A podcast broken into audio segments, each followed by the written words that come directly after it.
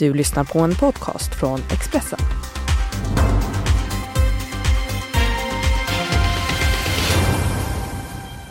Alla dansar och ler, champagnekorkarna flyger och ryggdunkarna haglar. Men varför skrattar Alice Bah Kuhnke? Vad är Jan Björklunds bekymmersrynka? Hur låter det nu när kamerorna har slocknat? Detta är Politikpodden som idag ska syna de riktiga vinnarna och förlorarna i EU-valet, om det fanns några. Detta ska jag, Malin Ros, göra tillsammans med två synnerligen lämpade, nämligen Anna Dahlberg, politisk redaktör på Expressen. Välkommen Anna. Tack. Och Thomas Nordenskjöld, politisk reporter på Expressen. Välkommen du också Thomas. Tack. Lite mör idag sa du här precis. Du bevakade ju Socialdemokraternas upplopp i natt. Låt mig gissa, det var kanske ganska glatt humör där trots allt.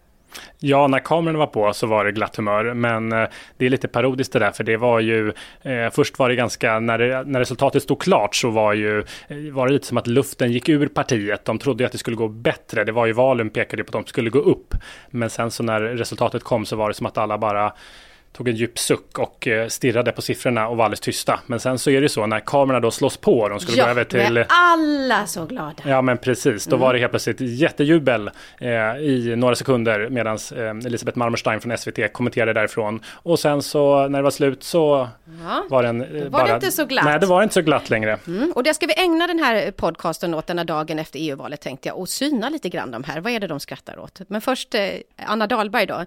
Du beskrev eh, känslan alldeles nyss här som ett antiklimax. Jo, men det var ju lite som, som journalist här så kände man ju att först så fanns det lite spänning i valresultatet, lite liksom skillnader, lite dramatik och sen så kom resultatet och så blev all dramatik bara liksom rann ur valresultaten kände man. Så att, eh, ja, den känslan. Mm.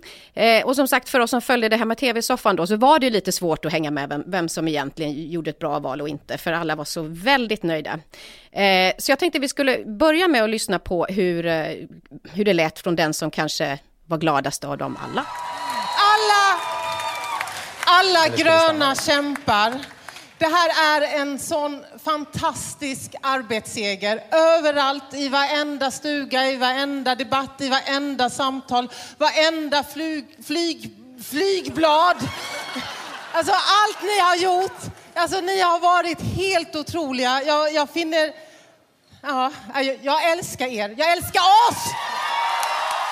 Alice Bakunke, ja, hon älskar sig själv och hon älskar alla. Anna Dahlberg, varför är hon så glad? För att hon ska få bo fem år i Bryssel?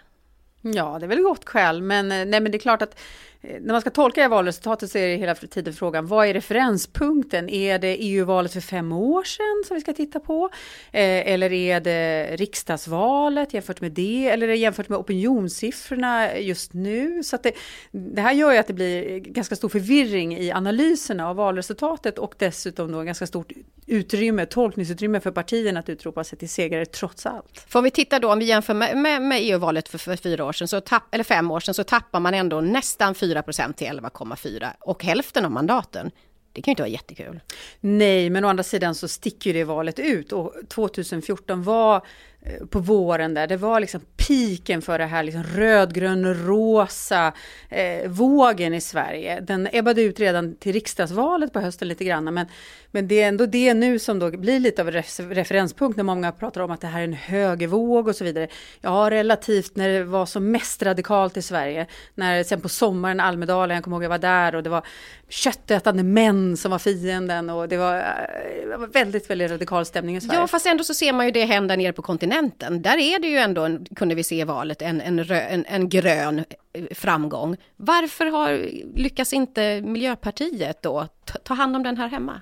Jo, men jag skulle ändå ha, ha, instämma där det Anna säger att det, partiet var ju på väg ur riksdagen i höstas trots allt och har ju haft jätteproblem eh, och har ju legat lägre opinionen än vad man nu landade. Så att eh, jag tror de här 11,4 procenten kan man vara ganska nöjd med. Men det var ju ingen dundersuccé och det blev ju inte som du säger ute i Europa så var det ju många gröna partier som gick ännu bättre och den här Greta-effekten har ju inte riktigt nått de svenska miljöpartisterna. Nej, men den verkar ha drabbat resten av Europa. Anna.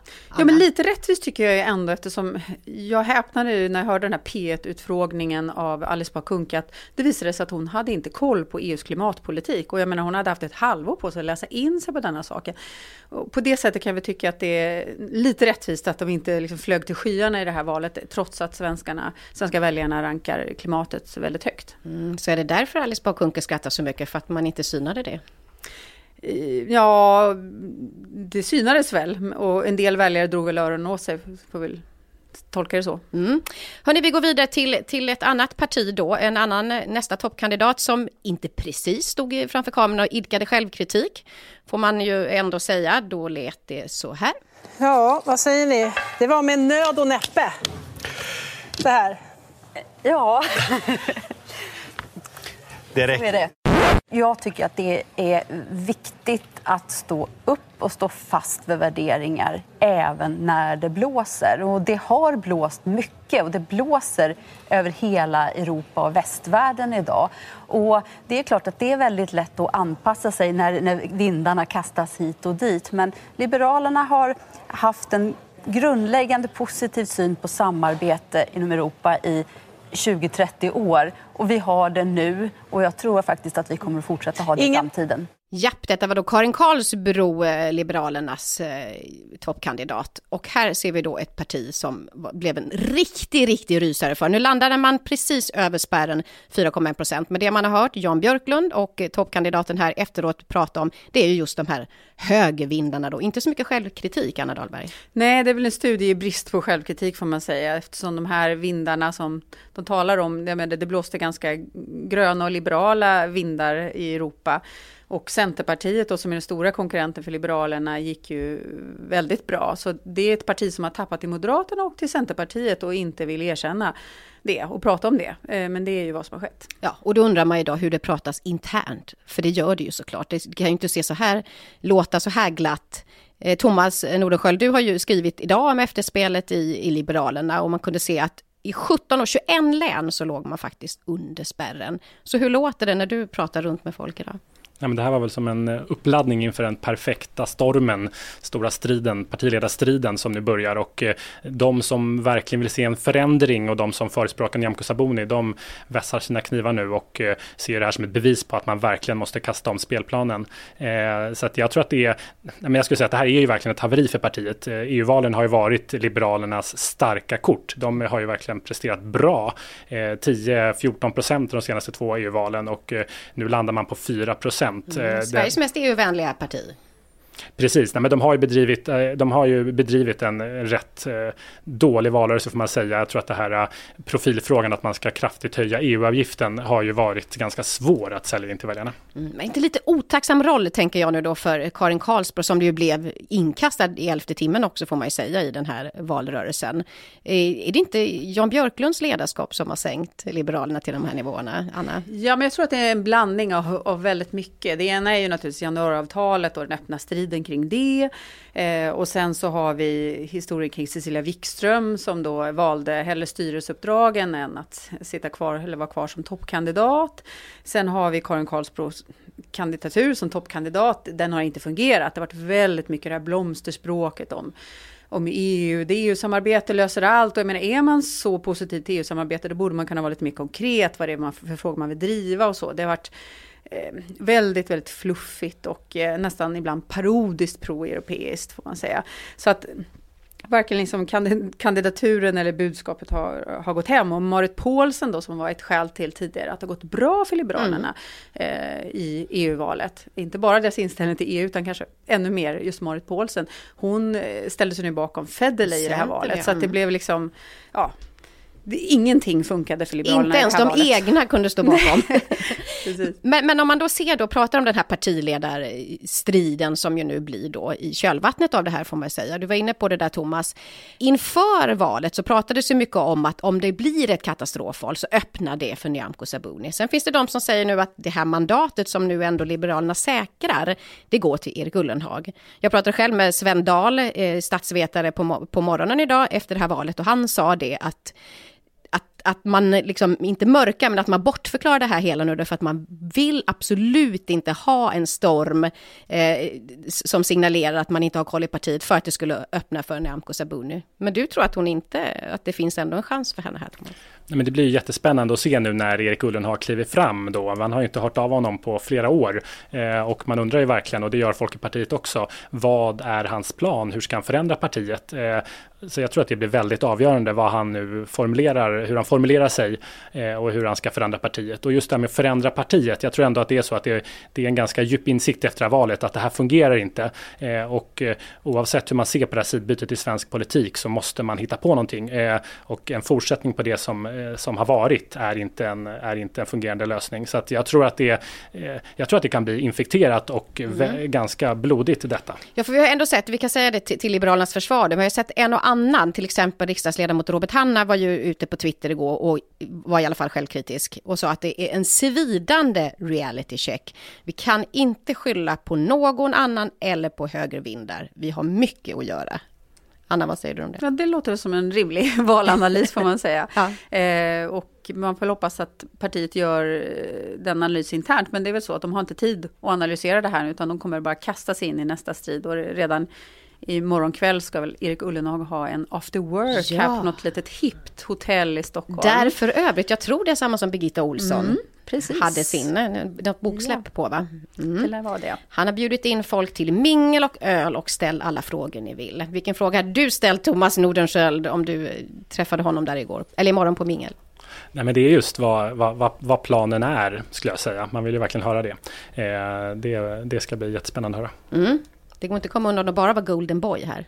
Nej, och nej men det, han kommer tillbaka till ett nytt eh, politiskt läge. Han var ju då integrationsminister eh, sist det begav sig. En misslyckad sådan får man säga, med bland annat etableringslotsarna på sin CV.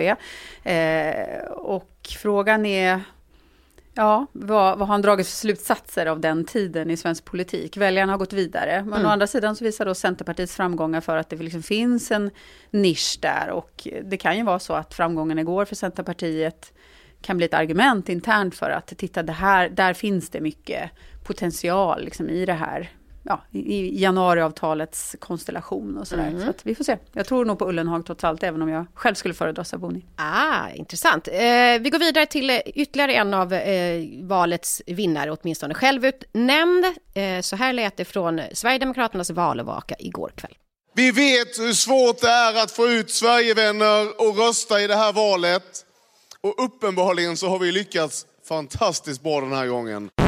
Och överallt så har jag träffat människor, entusiastiska partivänner, sympatisörer, medlemmar som kämpar för att vi ska nå det här resultatet. Och så, så står vi här nu och så vinner vi. Vi vinner, säger Jimmy Åkesson här då, Sverigedemokraternas partiledare. Men, och det är klart, ser man, till, ser man till rena siffror så var ju SD det parti som ökade mest då jämfört med förra valet. Men man blev inte näst största parti den här gången heller.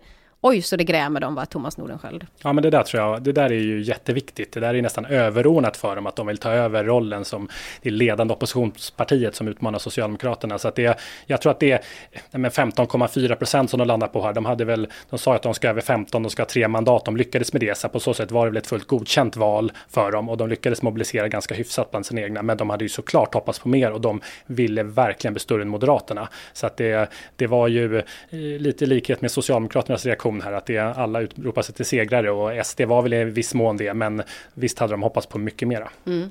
Och den här vinden som, som ven över landet igår och, och blåste av varenda tupé förmodligen, det måste varit Ulf Kristerssons va, Anna? Ja, det här var ju, jag skulle säga bland segrarna så var den, den som har mest att glädjas för är ju Ulf Kristersson. Och på sätt och vis så är ju SD och M här spegelbilder av varandra. SD har väldigt engagerade väljare mellan valen, de ligger högt i opinionsmätningarna. Sen på själva valdagen så går lite luften ur i två val i rad här får man säga. Medan Moderaterna tvärtom, en slags hängmatta mellan valen. Man liksom undrar, herregud, partiet är på väg att krascha? Och sen på upploppet så, så lyckas de nu både i riksdagsvalet och i det här EU-valet ändå rycka upp sig. Och det är ju lite intressant. Mm. Men var inte det Thomas Tobé-effekten då? Jag tror att det, jag tror det finns en KD-effekt i detta. Eh, det finns en Jan Björklund-effekt, eller en liberal effekt. Och sen ovanpå det finns det Tobé-effekten. Eh, han eh, trummade på med, ganska effektivt med sina eh, sakfrågor där, eh, blandade ganska friskt mellan inrikespolitik och EU-politik, men ändå, jag tror det gick hem, kriminalitet, migration och så vidare. Och eh, en person med liksom hög energi, och det är väl lite det som nu. Det här blir ju då ett bra resultat för Ulf Kristersson, men samtidigt förlorar han nu en kraft i partiet. Tänkte se, nu skickar de den mm. som får ut budskapet till Bryssel. Hur... Ja, det kan ju vara problematiskt för partiet, därför att han, man märkte när han blev rättspolitisk talesperson för Moderaterna att det, det blev väldigt liksom, högt tryck i den frågan då. Och nu lyckas han i det här valet och upp så är han borta. Och det är väl precis den här typen av lite mer högenergipersoner som är närvarande i debatten, som är snabba liksom, i sina reaktioner, som Moderaterna behöver. Inte minst i matchen mot KD. Är han ett partiledarämne? Ja men eventuellt. Men eh, till att börja med kan man säga också att jag tror att det här eh, resultatet och uppgången för Moderaterna är någonting som verkligen kan ha haft stor betydelse. Hade, vi har ju själva skrivit här på Expressen om problemen i Moderaterna eh, och att ledarskapet började ifrågasättas. Det började bli ganska dålig stämning här nu för någon månad sedan, eh, ett par veckor sedan och eh, ett dåligt valresultat om det inte hade varit så att jag tror att de fick ganska stor draghjälp här av Adaktusson, mm. Eh, den så kallade Adaktusson-effekten här. Men, men jag tror att det kan, nej men, på så sätt kan det bli eh, ja, men ganska ja, viktigt för Moderaterna tror jag det här. Mm. Väldigt viktigt till och med. Men det vi ska stanna lite till och bara grotta ner oss tänkte jag i eh, Sverigedemokraternas eh, siffra och resultat i, i valet. För om man kollar då i SVTs valundersökning, går in väljargrupp för väljargrupp, så hittar åtminstone jag två grejer som jag fastnade för. Dels så satt ju Richard Jomshof igår i SVTs eh, studio och pratade om att framförallt blir framtiden väldigt spännande att följa för Sverigedemokraterna. Och då kollade jag på hur det såg ut med unga väljare, alltså förstagångsväljare 18 till 21 år. Och där kunde man se att bara 10% röstade på SD. Är det bara? Ja, det, jag är faktiskt lite osäker på var de brukar ligga i den gruppen. Så jag passar nog på den. Passar över till Thomas. Thomas. Nej, men det får man väl säga att det, det är väl inte så jättemycket. Man skulle kunna tänka sig att de samlade mera där. På så sätt så påminner det lite mer om Socialdemokraternas åldersprofil uppenbarligen, även fast den är ännu mer dyster för dem. Mm. För de har ju verkligen problem med yngre väljare. Men, eh, det, ja, men det är lite förvånande lågt skulle jag säga. Mm.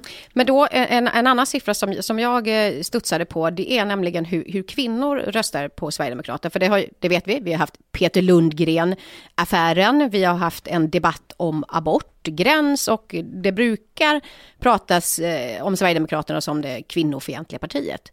13 procent av kvinnorna eh, la sina röster på Sverigedemokraterna i det här valet jämfört med 7 procent 2014. Thomas. Ja men det där är ju något jätteintressant som du pekar på. För det där är ju eh, trendskifte skulle jag säga. Eller väldigt viktigt för partiet. Eh, för att man ska kunna bli så pass stora. Som ja, de har man, ju satsat på det. De har satsat medvetet på det och locka eh, kommunalarbetare, kommunalarbetande kvinnor och sådär. Så att det är ju, det där tror jag är helt avgörande för dem. Om de ska bli så pass stora som de hoppas på. Mm. 2 hade de för övrigt eh, kvinnliga röstare 2009 om vi går tillbaka två val då. Men Anna Dahlberg, vadå. Bryr sig inte kvinnorna om den här Peter Lundgren-historien?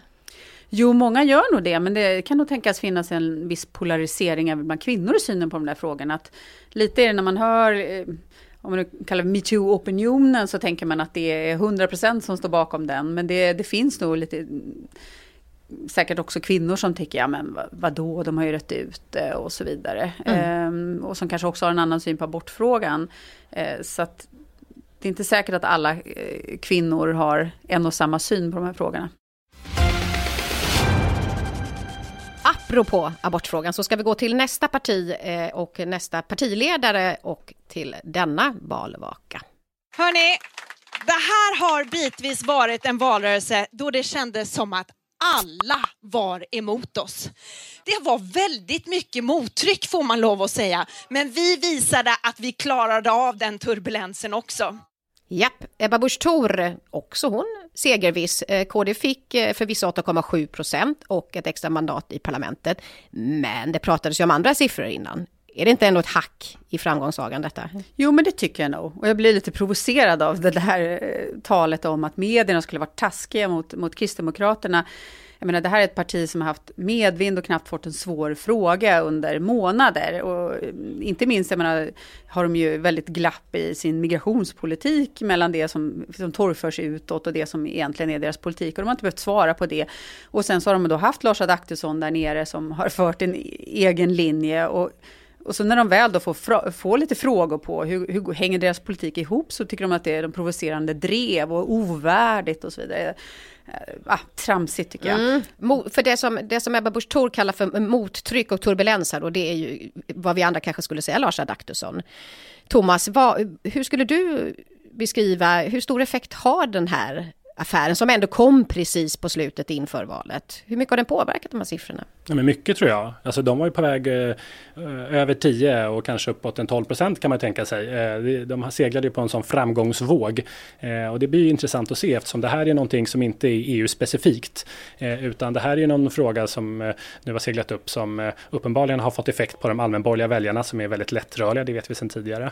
Eh, och det blir ju jätteintressant att se om det kommer påverka även opinionen här i den nationella politiken. Det är ju inte omöjligt. Eh, som sagt, det är en sak när man som Ebba Busch Thor har haft nu en antal månader, ett halvår av bara framgång som hon har seglat på. Mm. Eh, och nu så, eh, så har det där vänt, kanske. Mm. Anna Dahlberg, vad tycker du, hur tycker du att Sara Skyttedal och Ebba Busch Thor har hanterat den här Adaktusson-frågan då, de här sista dagarna? Nej, men man har ju städat undan Lars Adaktusson och det kan man vara nyfiken på. Eh, jag personligen är nyfiken ja. på, är det, för, är det någon slags krishantering bort med problemet? Eh, inget fokus på det? Eller är det kanske så att Lars Adaktusson faktiskt inte vill riktigt ställa upp och klargöra sin syn på de här frågorna eftersom det är ju det är ju rätt många omröstningar som han har ställt sig eh, på mot abort och han har åkt till ganska extrema möten. Han har bjudit in bosättarvänliga eh, israeliska, en israelisk grupp till riksdagen. Vill han klargöra liksom vad han står egentligen i de här frågorna? Jag är inte så säker på att han vill det. Nej, eh, ja. Nej men jag tänkte just på det också, för det, det, det rapporterades ju där in, inför valet, inför söndagen där, att, att, han hade gått under radarn, han hade gått under jorden, försvunnit. Men då undrar jag, kan det vara så också att Sara Skyttedal och Ebba Busch Thor har sagt till, tänker jag, Lars också, nu håller du dig undan, nu har du förstört tillräckligt, håll dig undan de här sista dagarna. Det skulle väl i sådana fall vara en ganska typisk krishantering för ett parti kan man tycka. Eh, men som sagt, jag utesluter inte att det kan vara så också att han inte riktigt vill eh, ha ljus på den här frågan och var han står. Nej, så då är korta frågan, står Kristdemokraterna så enade bakom den svenska abortlagstiftningen? Nej, det tror jag inte. Eh, alltså jag tror att de tycker i alla fall att det är viktigt att man får ha olika synpunkter på saken och så vidare. Men det är ändå så att Lars Adaktusson är nummer tre i, i rangordning i partiet. Så att han är inte vem som helst. Eh, och det är besvärande för partiet att de, både i den här frågan och andra frågor, har ett väldigt stort spann. Mm. Det är lite svårt att nagla fast partiet vid olika eh, ståndpunkter. Jag hoppas faktiskt på mer fokus eh, mm. på Kristdemokraternas sakpolitik. Lite mm. mer kritiskt så. Thomas, håller du med där? Vad, vad, måste nästa steg bli? Kan man tro att, att det bara ska glömmas bort det här nu? Jag menar Lars Adaktusson, vi väntar väl fortfarande på att han ska prata? Eh, ja, nej men precis. Det blir ju intressant att se eh, när han kliver fram. Jag tror att det var de är irriterade på honom. Att det kan vara så att de på riktigt har... Eh, de, han har snuvat dem på, den, på det succéval eh, som Sara Skyttedal och Ebba Busch Thor hade räknat med. Eh, men sen tror jag att han själv har väl haft ett sånt gott självförtroende att han har tänkt att jag kan rösta på efter min egen övertygelse och jag kan stå över detta. Eh, och eh, har väl känt att det var i förra EU-valet var en Adaktusson-effekt. Då räddade ju han partiet kände han. Det var, då var de på väg att åka ur. Mm. Eh, men eh, eh, ja. Men hur troligt är det att tro att, att inte till exempel Ebba Busch Thor har känt till hur Lars Adaktusson har röstat i parlamentet? Jag vet faktiskt inte hur det var. Inget svar är ju bra på den frågan. Är det, jag hade ingen aning om vad han gjorde under fem år där nere. Eh, eller och nu, ja precis, fyra kanske blev. Eh, det är inget bra svar. Eh, men jag vet hur han röstade, det är heller inget bra svar. Och det är väl därför som den här frågan skadar partiet. Mm.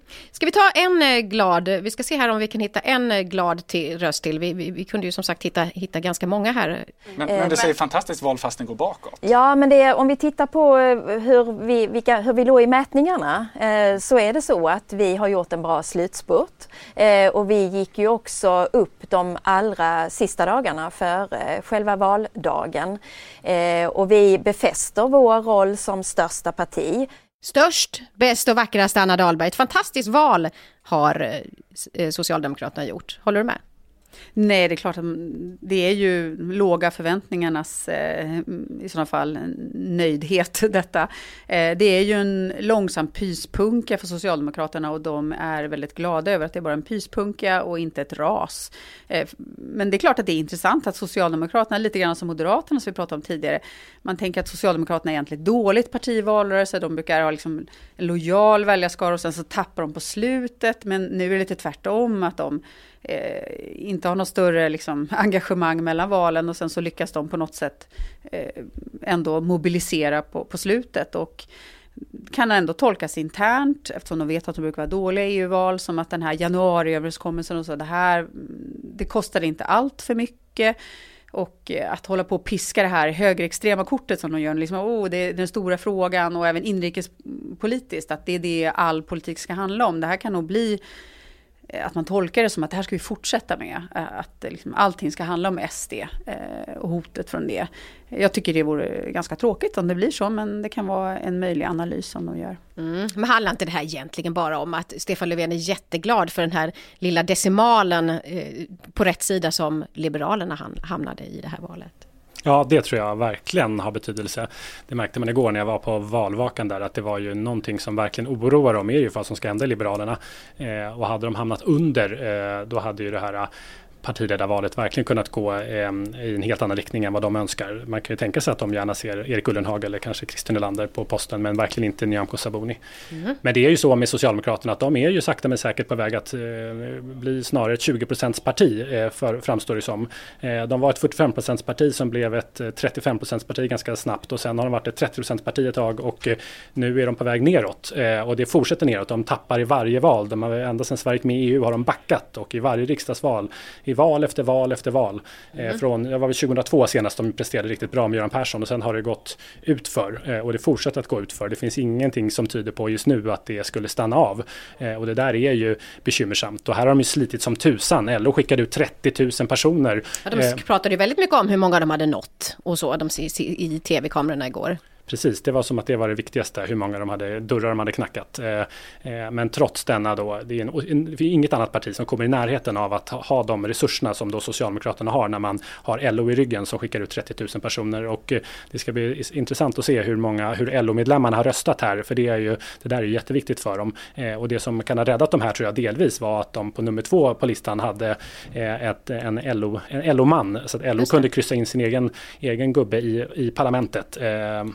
Mm. Ja, det där är en intressant match i matchen så att säga, eh, kriget om LO-väljarna. Det är ju en eh, ständig stress nu att SD håller på att komma ikapp liksom bland LO-väljarna. Så det, det, ska bli intressant att se. Jag ska också mm. titta på det. Mm. Vi såg ju, vi som följde det på tv igår, såg ju också att eh, Annika Strandhäll stod ju framför kamerorna där. Och eh, du som då befann dig på den här valvakan, eh, Thomas, vad var din känsla kring då? Vi vet ju att, att det finns en, en misstroendeomröstning som är i antågande här nu. Vad var din känsla kring det på valvakan? Ja, men lite sådär sista kvällen med gänget-känslan ändå. Eh, nu vet vi inte hur det slutar, men det var... Eh, nu tror jag att hon är ganska populär internt, så det, därav kanske många kramar och, och så, klappar på ryggen och sådär. Men det var verkligen så. Eh, många av de tyngsta namnen, andra statsråden som var på plats där, kramade om henne och, och ja, men det skulle jag säga var, var intrycket. Mm. Hur följer du detta, Anna Dahlberg? Nej, men jag tyckte det var intressant att man såg eh, henne på så framskjuten plats på bilderna igår från, eh, från valvakan. Och det får man väl ändå tänka som att det här ska vara någon slags stöd då. Antingen är det så som du säger, att man vill visa in i det sista att man står upp för sin minister, eller så är det ett slags öppet trots. Hon är med oss, vi, eh, vi kör, eh, vi kommer klara det här. Men eh, ja. Mm. Men hon har ju varit viktig. Eh, hon är viktig för partiet och Stefan Löfven. Eh, tror jag verkligen. Så att för, om hon tvingas bort så är det ett hårt slag. Mm. Ja, det får vi se. Det följer vi här såklart. Men nu då, eftersom vi har pratat om alla självutnämnda vinnare i detta EU-val. Eh, vem var den riktiga vinnaren då? Anna? Jag säger Moderaterna därför att det här var viktigast för Moderaterna och inrikespolitiskt viktigast. Mm. Thomas? Ja, men då skulle jag nog säga Annie Lööf och Centerpartiet som den eh, mest otippade vinnaren. Mm. Varför då? Nej, men de, har gjort ett, de har bytt sida i svensk politik. Det var egentligen i likhet med Liberalerna väldigt splittrat internt men hon hade ett fast grepp och vann den där striden och inledde ett nytt samarbete med Socialdemokraterna. Ett otroligt stort risktagande och det de flesta sa var att det här kommer straffa sig väldigt mycket. Eh, nu så gör hon i det första valet efter detta historiska sidbyte gör hon en, eh, ja, deras bästa EU-val hittills, en stor framgång. Eh, och det tror jag kan också få konsekvenser framöver om det är så att det håller i sig det här. Det tycks ju som att Centerpartiet har landat eh, ganska väl i det här nya politiska landskapet då, till skillnad från Liberalerna. Det är intressant i sig.